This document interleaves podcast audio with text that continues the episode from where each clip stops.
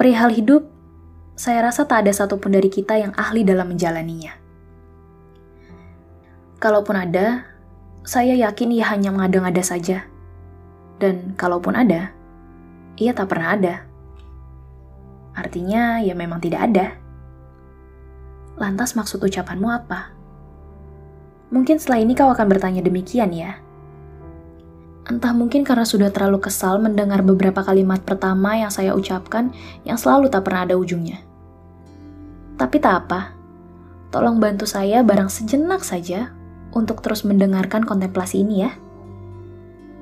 Maksud yang ingin saya sampaikan sebenarnya ada pada fakta bahwa memang hidup itu berproses. Katanya, practice makes perfect.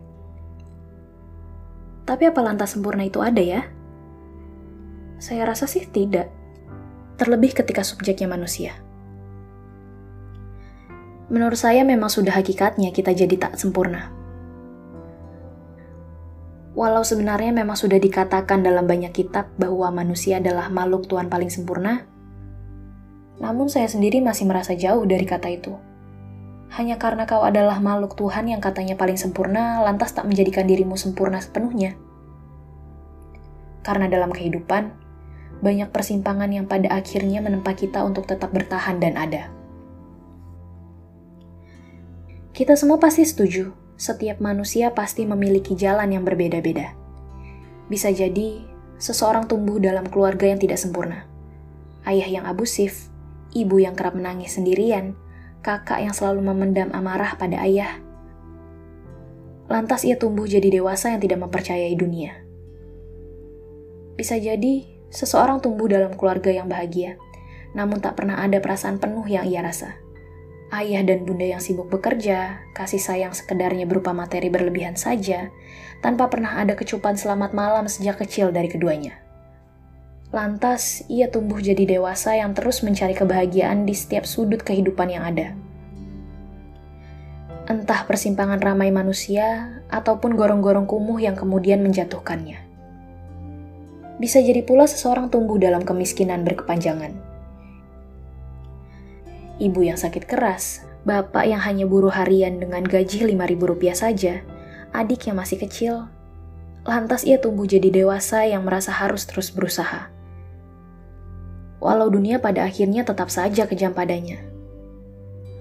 Kemudian, ia tetap saja berakhir pada lingkaran kemiskinan yang ada, karena memang nyatanya realita tidak pernah semudah talk show-talk show motivasi para pebisnis muda.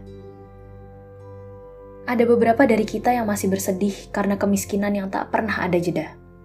Ada beberapa dari kita yang masih bersedih karena keluarga yang tidak bahagia. Ada beberapa dari kita yang masih bersedih karena pasangan yang berakhir memutuskan hubungannya setelah berjanji akan menikahinya.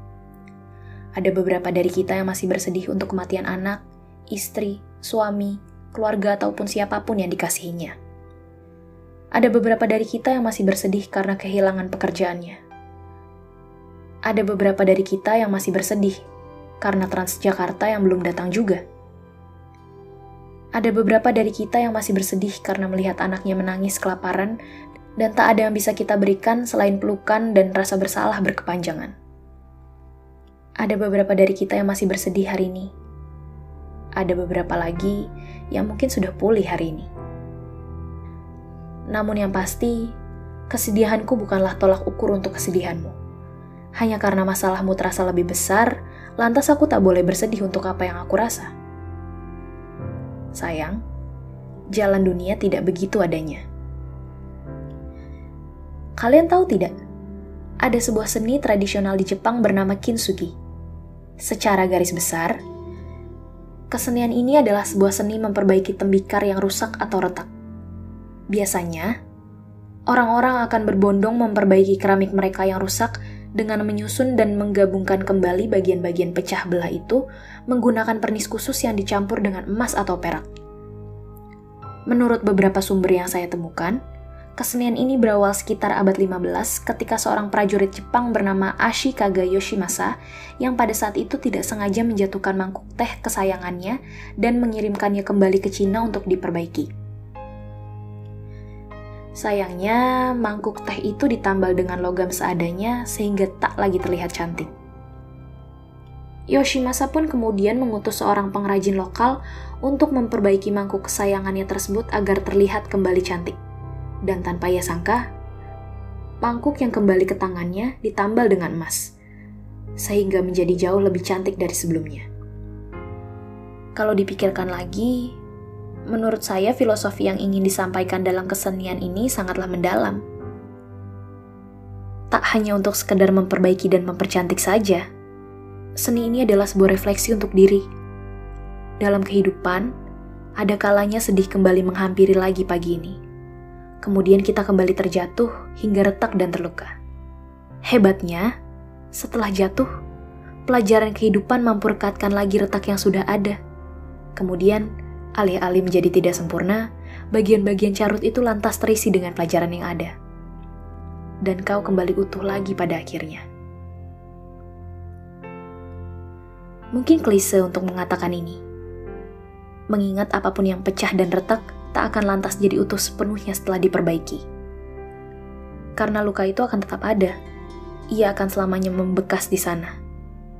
Tapi tidakkah nyaman untuk memikirkan hal itu? Bagaimana sebenarnya sejarah cerita yang ditorehkannya memberikan kita esensi untuk terus melangkah menepis dunia?